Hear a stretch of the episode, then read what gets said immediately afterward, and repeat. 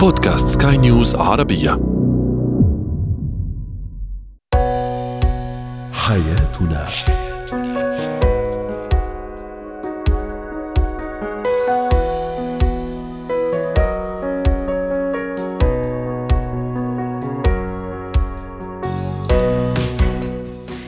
مستمعينا الكرام أهلا بكم معنا إلى حياتنا فضاؤكم اليومي الذي يعنى بشؤون الأسرة وباقي الشؤون الحياتية الأخرى والذي يمكنكم الاستماع إليه عبر منصة سكاي نيوز ارابيا dot com slash podcast وباقي منصات سكاي نيوز العربية الأخرى.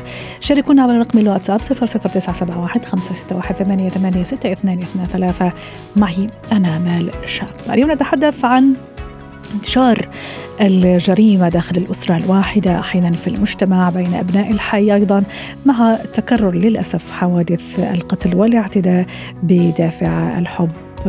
للأسف سنعود ونفتح مرة أخرى للنقاش هذه المرة من زاوية جديدة. كيف أعلم طفلي العمل بروح الفريق؟ وأخيرا مهارات النقاش المفيد والجاد. هو وهي. الجريمة الخامسة من نوعها خلال عام بدافع الحب للأسف في مصر تكررت هذه الجريمة. وقبلها أيضا شهدناها في بعض الدول. اليوم نعود ونفتح هذا الموضوع آه، ونتساءل لماذا تتكرر هذه نوع من أو هذا النوع من الجرائم وأيضا الجرائم بشكل عام جرائم القتل في الأيام الماضية أيضا اعتداء على طفل صغير وقتله للأسف بعد تعذيبه بطريقة شنيعة. قبلها أيضا الاعتداء على أطفال في دور حضانة. لماذا هذه الجرائم؟ الجرائم تعود وتطل برأسها. آه، ما دور الأسرة؟ كيف تتأثر الأسرة؟ وكيف تؤثر أيضا في الفرد حتى آه، يعني لا يكون نهاية المطاف أو لا تكون نهاية المطاف بهذا البشع؟ رحبوا معي بالدكتورة حنان نجم الاستشارية النفسية والأسرية. دكتورة حنان يسعد أوقاتك. ما الذي يحدث آه، في الأسرة؟ لماذا الإقدام على القتل على ارتكاب جرائم أحيانا مع أقرب الأشخاص للأسف. أحيانا مع أشخاص ممكن حابين نرتبط فيهم بس يقولوا لا بنروح ننفذ نحن هذا الجريمة للأسف البشعة والنكراء. آه، أهلا وسهلا. أهلا وسهلا. في البداية بحب آه، أتكلم عن نقطة آه، معينة اللي هي اللي عم تحدث الآن اللي هي الجرائم اللي عم بتصير بسبب الحب. م. يعني هذه أكثر شيء رواجا الآن وبعدين حنتطرق للمواضيع الأخرى جريمة القتل عموما لماذا تحدث؟ في البداية في بالنسبة لهذا النوع من الجرائم اللي هي بسبب الحب ما بقدر أسميه حب قد ما هو هوس فأنا هون لازم أوضح شو السبب يعني شو الفرق بين الحب والهوس الهوس يعني احتلال الشخص اللي أنا بحبه دماغي تفكيري مشاعري حتى يصبح هذا الشخص هو الفكرة الأساسية اللي بتدور داخل عقلي بالرغم إنه إحنا من بيعيش هذا البني آدم حياة طبيعية تماما وما بيظهر عليه هذا الشخص المهووس ابدا يعني إنه عنده هذه الأعراض إلا عندما تنتهي العلاقة. فجاه فبيتأكد الشخص المهووس هذا إنه من يحبه لا يبادله المشاعر. شو اللي بيصير بهذا الوقت؟ بيقول إنه مش قادر يعيش من غير هذا الشخص مش قادر يتخلى عن فكرة الحب لأنه هذا البني آدم يمثل له كل شيء في الحياة. فطبعا بسبب عدم الثقة بالنفس عدم الشعور بالأمان الداخلي آه للأسف الشديد أكثر الأشخاص اللي بيقوموا بهذه الجرائم بنسميهم عندهم obsession ال obsession اللي هو الهوس. الهوس. الهوس هذا للأسف الشديد في معظم الأحيان بيصير في تدمير للشخص اللي هم بيحبوه إما تدمير نفسي آه، آه، أو للأسف الشديد يودي بهم إلى القتل. والمشكلة إنه هم بهذا الوقت اللي بيكونوا بيفكروا فيه بالجريمة أو يقدموا فيه على الجريمة بيكونوا خارج عقلهم. يعني ال obsession هذا مرض نفسي اللي بيكتشف إنه عنده للأسف إنه ما بيعرف يعني عندهم بيكون denial إنه أنا ما مالي شيء هو مفكر حاله عم بحب طبيعي بس هو بيكون بحب مش طبيعي.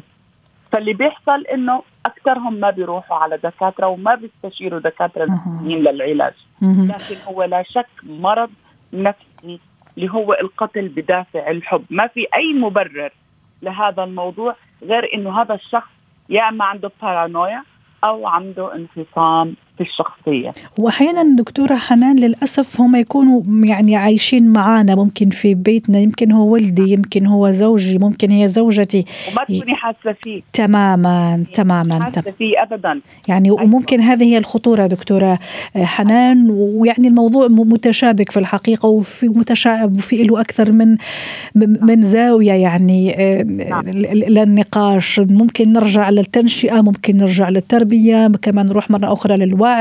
كيف أنا لما أكون واعي أو كيف لازم أكون واعي لما أختار شريك الحياة كيف أكون واعي على أولادي وهم صغار ما يكبروا بهذا البارانويا زي ما تفضلتي وما يكون عندهم هذا الهوس. يعني صراحة مشكلة كبيرة عويصة مش سهلة لكن لازم حقيقة تكاثف كل الجهود وعلى مستويات عدة مو فقط الأسرة آه، حتى نعم. نخفف من هذا الجرائم البشعة. للأسف يعني إحنا خلينا نقول إنه التنشئة نفسها تبع هذا الشخص المجرم خلينا نقول أكثرهم بيكون عندهم مشاكل منذ الصغر. مم. يعني طريقة التربية والتنشئة في البيت مش مضبوطة. حتلاقي الأم والأب مش مهتمين بهذا الطفل.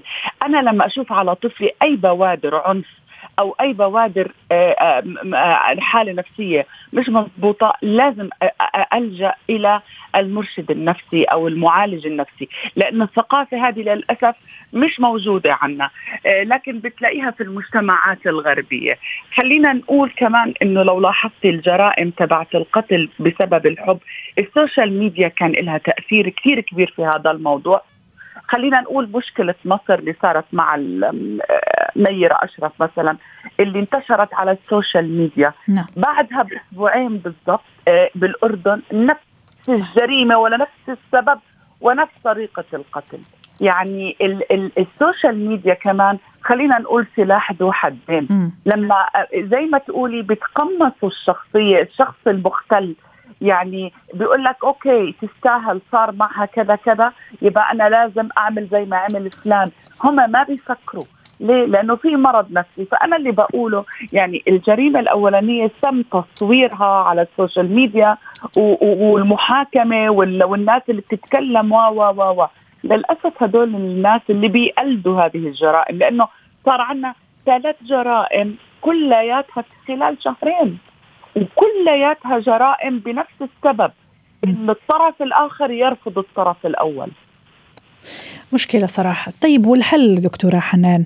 عدا السوشيال ميديا اللي حضرتك عم تشوفيها قد ساهمت ممكن آه، زي ما تفضلتي هي سلاح ذو حدين لكن كمان البعض يقول لك ما الجريمة موجودة حتى قبل وقوع ال social media بالعكس ممكن لما الواحد يبين هذا الأشخاص المجرمين ممكن أنا هذه مش وجهة نظري ولا وجهة نظر سكاي نيوز أنا عم نحكي بصوت عالي نقول شو ممكن الناس عم تفكر. بالعكس ممكن ال social media كشفت كثير مجرمين في الحقيقة وبفضل ال social media ممكن هالمجرمين كانوا أمام القضاء وأخذوا جزائهم. إيش الحل؟ هل يبدأ من الأسرة؟ يبدأ من تنشئة؟ كيف كيف حتى يعني ما نوصل لهذا الوضع الكارثي؟ أول شيء نلجأ إلى الأسرة اللي هي العائلة الصغيرة اللي اللي فيها الأم والأب والأولاد. نعم. آه زي ما حكيت لحضرتك التنشئة بدها تكون أول شيء. في عندنا مشكلة في سن المراهقة بتلاقي الأم والأب أول ما يعرفوا البنت بتحب الأب الولد بيحب. في عندهم مشاكل في القصص هذه بتلاقيهم آه، مثلا كلمة استرجل آه، ما تخليها تعمل معك كذا. كذا. عارفة اللي هو أنا بشعل النار زي ما تقولي بربي آه، طفل آه، بطريقة طبعا ولو يكون هو عنده الاستعداد كمان فبتلاقي الموضوع يتفاقم أكثر. في طريقة إني أنا أصاحب أولادي أخليهم يعبروا عن مشاعرهم بطريقة صح يعبروا عن اللي بيفكروا فيه بطريقة مضبوطة آه، وما يخافوا من التعبير عن مشاعرهم أو كتمانها. العزلة النفسية عند المراهق بتعمل مشاكل كثير. فإحنا لازم نراقب أولادنا لازم نصاحبهم. هذا بالدرجة الأولى. لو شفنا عليهم أي مشكلة لازم نحاول إنه لا نلجأ لحد يساعد في الموضوع. خلينا نقول المسؤولية الاجتماعية المجتمعية كمان إنه المجتمع لازم يكون في هناك دورات أو مواد يعلموها للأولاد في المدرسة تربية تكون. لازم يكون في سيشنز للأولاد يعبروا فيها يتكلموا فيها وفي دورات للأهالي كمان يعملها المجتمع آه، يعني مجانيا لتوعية الأم والأب عن طريقه التعامل مع أولادهم وكيف لو واجهوا ولد إنه مثلا في يعني مثلا المراهقين أغلبهم بيدخلوا بعلاقات غرامية وأشياء زي هيك، لازم يكون في هناك توعية من المجتمع للأهالي، وبعدين الردع، يعني مثلا في موضوع الجريمة عموما إنه لازم ما يكون يعني ما تاخذ وقت. يعني مثلا موضوع زي قتل والأشياء هذه وفي خلص مع سبق الإصرار والترصد نعم. التنفيذ يكون سريع. يعني في ردع للقاتل ويبين يعني زي ما أنا بنشر الجريمة هذه كيف صارت. لا أنا لازم أبين كمان إنه الجزاء والعقاب حصل سريعا. م. صحيح صحيح. آه، شكرا لك دكتورة حنان نجم ضيفتنا العزيزة من الرياض وأتمنى لك أوقات سعيدة. زينة الحياة. كيف أعلم طفلي العمل بروح الفريق؟ رحبوا معي بدكتورة هبة شركس الخبيرة التربوية ضيفتي العزيزة من أبو ظبي أهلا وسهلا. دكتورة هبة كيف أعلم الطفل آه، العمل بروح الفريق؟ والطفل معروف لسن معينة يعني ما أقول يعني لغاية ما ممكن يوصل لمرحلة المراهقة بس معروف عنده حتة الأنانية وعدم حبه مشاركة أشياء مع الغير. كيف أعلمه أنه آه، روح الفريق ضرورية؟ ولما أقول روح الفريق معناتها المشاركة التشاركية التخلص أو التنازل على الأنانية اللي تميز الأطفال شوي. هو طبعا عشان أعلم ابني إن هو يشارك لازم أنا أشاركه. وعلشان أنا أشاركه لازم ادخل العالم بتاعه. فببدأ الأول إن أنا اللي أروح للموجود علشان أكتبه المفقود. يعني إيه؟ يعني أنا ابني موجود عنده ألعاب بتاعته وهو ممكن يحس بالأمان معايا لو أنا لعبت معاه وتعاونت معاه. وإحنا ساعات ما بيكونش عندنا طولة البال ان إحنا نقعد مع طفل صغير نلعب معاه نشاركه وهو بيتفرج على الكرتون بتاعه واقعد اكلمه وأقول له الشخصية دي اسمها إيه واقول له إن أنا استمتعت وممكن أشاركه مثلا طب تعالى نتفرج على الهاتف بتاعي أو تعالى نلعب في حاجة تخصني أنا. يعني أعلمه المشاركة إن هو يشاركني أنا بالأشياء بتاعتي يساعدني في أعمال المطبخ لما يكون عنده مبادرة وروح مبادرة فأنا أنمي هذه الروح واستثمرها عنده آه، بسرعة وبسرعة بديهة إن أنا بسرعة ده في فرصة للمبادرة دلوقتي. فبدل ما إن أنا أكون دايما خايفة عليه ودايما مستعجلة فبحرمه من المبادرة وما بتعاونش معاه فببدأ أغرس بذره التعاون والمشاركة في تعاون الطفل مع والديه ومع الكبار. فلما يبدأ هنا لأنه بيبقى حاسس معاهم إن مفيش ندية ومفيش رغبة في إن هم يستولوا على اشيائه وأغراضه. وبعدين واحدة واحدة ببدأ أنقله للتعاون مع الأطفال الآخرين والمشاركة مع الأطفال الآخرين. وده من خلال إن إحنا نقترح عليهم ألعاب جماعية وإن أنا أحط طفلي في مجموعات خصوصا لو كان الطفل الوحيد أو في فرق عمر ما بين الأبناء وبعضها وبعضها. فهنا ببقى محتاجة إن يكون في أقران أصلا من نفس العمر علشان يبدأ يشاركهم ويتعاون معاهم. فبوديه الأماكن مثلا زي المدرسة أو زي النوادي زي آه، آه، جامعة العيلة. يعني بنشوف إيه الأماكن اللي ممكن يتجمع فيها الأطفال. وبقترح ألعاب جماعية إن إحنا تعالوا نلعب مع بعض لعبة. ويفضل في البداية إن الألعاب الجماعية ما يكونش فيها أدوات للعب أو ما يكونش يعني مثلا مش آخد مكعبات الطفل لنفسه وأجبره إن هو يلعب أطفال آخرين بيها. لكن ممكن نلعب جري. نعم. هنلعب مع بعض ونجري ونروح ونيجي وحد يجيب الغرض ده وحد يوصل دي هناك تكون يعني لعبة عامة. فهنا الطفل هيبقى حاسس إن عادي إنه يشارك الأطفال. وبعدين بعد كده بنيجي بقى إن هو يشارك ألعابه مع الأطفال. يبقى علشان أخليه يشارك ألعابه مع الأطفال أنا مريت بمراحل كتير قوي. شاركته أنا وبعدين دمجته مع أطفال بنلعب ألعاب جماعية عامة. وبعد كده ببدأ أقول له إن أنت في ألعاب من ألعابك. فيها خصوصيه مش حابب تشاركها أوكي عادي إن الطفل ما يبقاش عايز يشارك كل حاجة وإن الألعاب دي من فضلك خليها مثلا في غرفتك ما تاخدهاش معاك أو لما يكون في ضيوف ما تطلعهاش.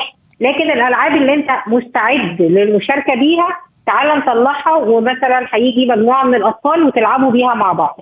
فالتوازن ما بين الخصوصية وما بين التعاون ده لازم يكون موجود ومع ملاحظة إن إجبار الطفل على المشاركة بيزود عنده الأنانية والعناد رائع. صحيح الموضوع الاجبار أكيد هذا شيء مش مش لطيف وأكيد الموضوع كمان إنه الواحد يطول باله شوي. أحيانا الأطفال أو بعض الأطفال ما يستجيبوا مباشرة لهذا يعني مثلا التعليمات أو يعني لرغبتنا في إنه نخليه يعني يندمج ضمن فريق عمل. فمن الضروري بمكان الواحد يكون صبور شوي دكتورة هبه حتى نختم مع حضرتك. هو طبعا لازم الأهل يكونوا صبورين ولازم نفهم أولادنا. في أولاد انتروفيرت أو أولاد متحفظين ففريق العمل بتاعهم هيبقوا انتقائيين جدا. سواء هم بيعملوا حتى لو بيعملوا نشاط مدرسي وواجب عليهم إنهم يشتركوا مع فريق عمل هيبقوا انتقائيين وهيبقوا حاسين بضغط في المشاركة في العمل. وفي أطفال اكستروفيرت أو منفتحين فدول بيبقوا سهل عليهم المشاركة والتعاون. طبيعي مهم جدا نفهم طبيعة شخصية ابني علشان ما أخليش حد آه، يضغط عليه بزيادة وعلشان أفهمه طبيعته وأساعده. ولازم طبعا أكون صبورة جدا مع الأطفال طبيعة شخصياتهم متحفظين أو انطوائيين. آه علشان ما يعني ما اخترقش البرايفسي بتاعتهم أو الخصوصية بتاعتهم فيتألموا ويحسوا آه بإن هم يعني مضغوطين زيادة ويقاوموا ويتق... يعني يتقوقعوا على نفسهم أكتر وأكتر. أنا أبدأ نعم. أخدهم بالراحة وبهدوء وبصبر. شكرا لك يا دكتورة هبة شركة ساعدتينا اليوم بهذه المشاركة وأتمنى لك أوقات سعيدة. مهارات ما هي مهارات التواصل وإدارة النقاش الجاد والواعي والهادئ؟ رحبوا معي برزان كيلاني مدربة مهارات حياة. سعد أوقاتك أستاذة رزان. في أشخاص عندهم القدرة فعلا على إدارة النقاش الحوار ممكن بينهم وبين أشخاص عاديين بسيطين أصدقاء زملاء وممكن أحيانا أوسع. يعني النقاش لما يتوسع ممكن على مستويات أخرى آه، أوسع. لكن في كل الأحوال هذه الأشخاص أكيد عندهم مهارات وهذه المهارات لم تتأتى آه، وما أعرف عم تسأل هل هي يعني موجودة كذا بالفطرة أشك يعني. بس ممكن أحيانا الشخصيه عندها دور بس كيف أنا أطور هذا المهارة إذا أوريدي موجودة عندي؟ آه، أو إذا مش موجودة عندي كيف يعني أوجدها؟ آه، أهلا وسهلا فيكم. يا أهلا وسهلا. اسمحي لي من فضلك آه، يعني نتكلم بس يعني قصيرا على أهمية إدارة النقاش بأسلوب هادئ و يعني ثبات انفعالي رزين آه، أهمية هذا أنه الفرق بين الحوار والنقاش الحوار أنه اثنين بيتجاذبوا أطراف الحديث. أما النقاش محاولة إقناع الطرف الآخر بوجهة نظر. فهاي ينجم عنها مرات قرارات حاسمة أو مواقف حاسمة. فكيف أنا ممكن أتناقش مع شخص آخر بأسلوب هادئ يعني النقاش هون إما إذا بنعمله بشكل صحيح هو طبعا في ناس بالفطرة بيميلوا للهدوء والتروي وفي ناس آه، يعني بيكونوا عصبيين أكثر وبرضه هذا له علاقة بالتربية وخبرات الحياة. فهذا جواب على سؤالك ولكن آه، إذا اتقنا النقاش آه، ممكن نلاقي حل، فإذا النقاش يصبح سبيلا لإيجاد الحلول. إذا لم نتقنه هون بصير في فرقة وجدال وخلاف وإلى آخره. رائع. طيب كيف أنا أتقن الحوار يا رزان؟ إيش اللي هي ال ال الأشياء التولز اللي لازم تكون موجودة عندي؟ وإذا مش موجودة هل يعني سهل جدا أنه زي ما آه، حكيت قبل شوي هل سهل أني أوجدها ولا الموضوع يعني يبغى له شوي يعني صبر ويعني وطولة البال؟ نعم. هي آه، ثلاث محاور رئيسية. أول شيء الاحترام يجب أن أحترم الآخر حتى لو كان أصغر مني أو أكبر مني أو آه، أنا مختلف مع هذا الشخص يعني مية بالمية. نعم. الاحترام واجب علشان الإنسان ما ينفعل بشكل شديد. ثاني شيء التعاطف. التعاطف إني أنا أكون قادر إني أضع نفسي في آه، مكانه وأنظر إلى الموضوع من وجهة نظره نعم. وأشوف شو مبتغاه شو أهدافه حتى نقدر نتواصل لقاعدة مشتركة. الخطوة الثالثة اللي هي دائما بنسمعها لكن قليلا ما نطبقها اللي هي إحنا عندنا أذنين وفم واحد يعني يجب أن نستمع آه، ضعف ما نتكلم. اللي بيستمع أكثر بيكون له سيطرة أكثر في الحوار وبيكون أكثر اقناعا تاثيرا. جميل. طيب إذا الاستماع هذا شيء كثير ضروري ست رزان حتى نخوض في حوار آه، في حوار جاد وهام. لأنه أحيانا فعلا الأشخاص أو بعض الأشخاص ما عندهم القدرة على الاستماع. ممكن وأنت عم تحكي كل همه أنه كيف يرد عليك؟ ما يحاول يفهم أنت مثلا حضرتك شو بدك تقولي مثلا أو إيش هي الفكرة اللي بدك يعني توصليها للحضور أو الأشخاص اللي عم يحكوا صح ولا لا؟ أحيانا الهدوء. أنا أتصور كمان الهدوء كثير ضروري. ممكن أحيانا نحن عم نتناقش لما ما تكون عندنا هذا الهدوء نفقد كثير من مصداقيتنا ومن اهتمام الأشخاص كمان والناس بالأشياء اللي أنا عم أقولها. نعم نعم مية بالمية. الهدوء بيجي من الثبات الانفعالي. يعني جميل. النقاش بشكل سهل جدا ممكن يتحول لجدال وشجار وصراخ وإلى آخره. فاذا مهارة النقاش يعني مهارة الثبات العاطفي أو إدارة المشاعر. بمعنى أني أنا لما بكون بتناقش مع شخص لأني بحترمه وقادر أحط حالي مكانه فإذا بحاول أشوف الأشياء من وجهة نظره. فبالتالي بحاول أطرح عليه أفكاري بفن يعني بمهارة يعني بأسلوب هو يفهمه، ما بحكي معاه بلغة ما بفهمها ولا بحكي معاه بموضوع ما بفهمه، ولكن أركز النقاش على ما يهمه في سبيل إيجاد حلول مشتركة، فهون الثبات الانفعالي بصير بالدرجة الأولى من يعني من الأهمية لأنه آه، آه، إذا أنا بنفعل أنا فورا فكرت الحوار خلص. أنا حكمت إنه النقاش يجب أن يتحول إلى جدال ويا هو بيسمع لي بصير في عندنا قطبية في الحوار. فبالتالي بصير أنا عندي وجهة نظري وهو عنده وجهة نظر وبالتالي ما بنلاقي حل. رائع جميل. يعني هذه نقطة كثير كثير مهمة. مهارة تفكير ترتيب الأفكار يا رزان قديش مهمة كمان أنه تقودني لنقاش هادئ وجاد ومفيد؟ أها بالضبط. يجب أن يكون النقاش مفيد. بالضبط. هادف. يعني واصل ل... ل... يح... لتحقيق هدف. يعني هو يجب أن يحدث لتحقيق هدف. هلأ ترتيب الأفكار يحدث عندما نستمع ذات ما نتكلم. فعشان هيك الاستماع والانصات هو أكثر فضيلة من التحدث، يعني حتى نحن لما بنمدح الأفراد بنقول هو مستمع جيد، ما بنقول هو متحدث جيد،.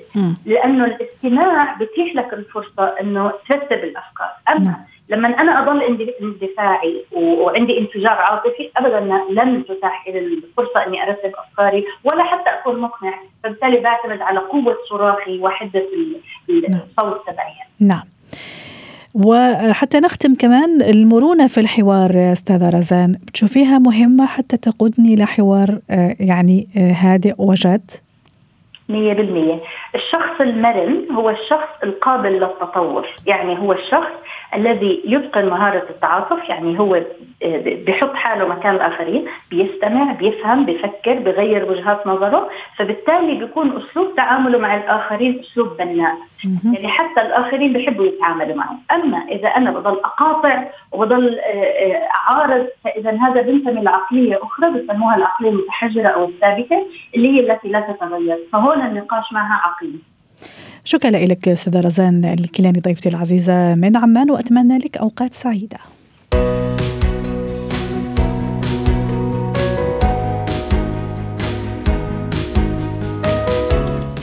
بهذا نكون قد وصلنا لختام برنامج حياتنا. شكرا لكم وإلى اللقاء.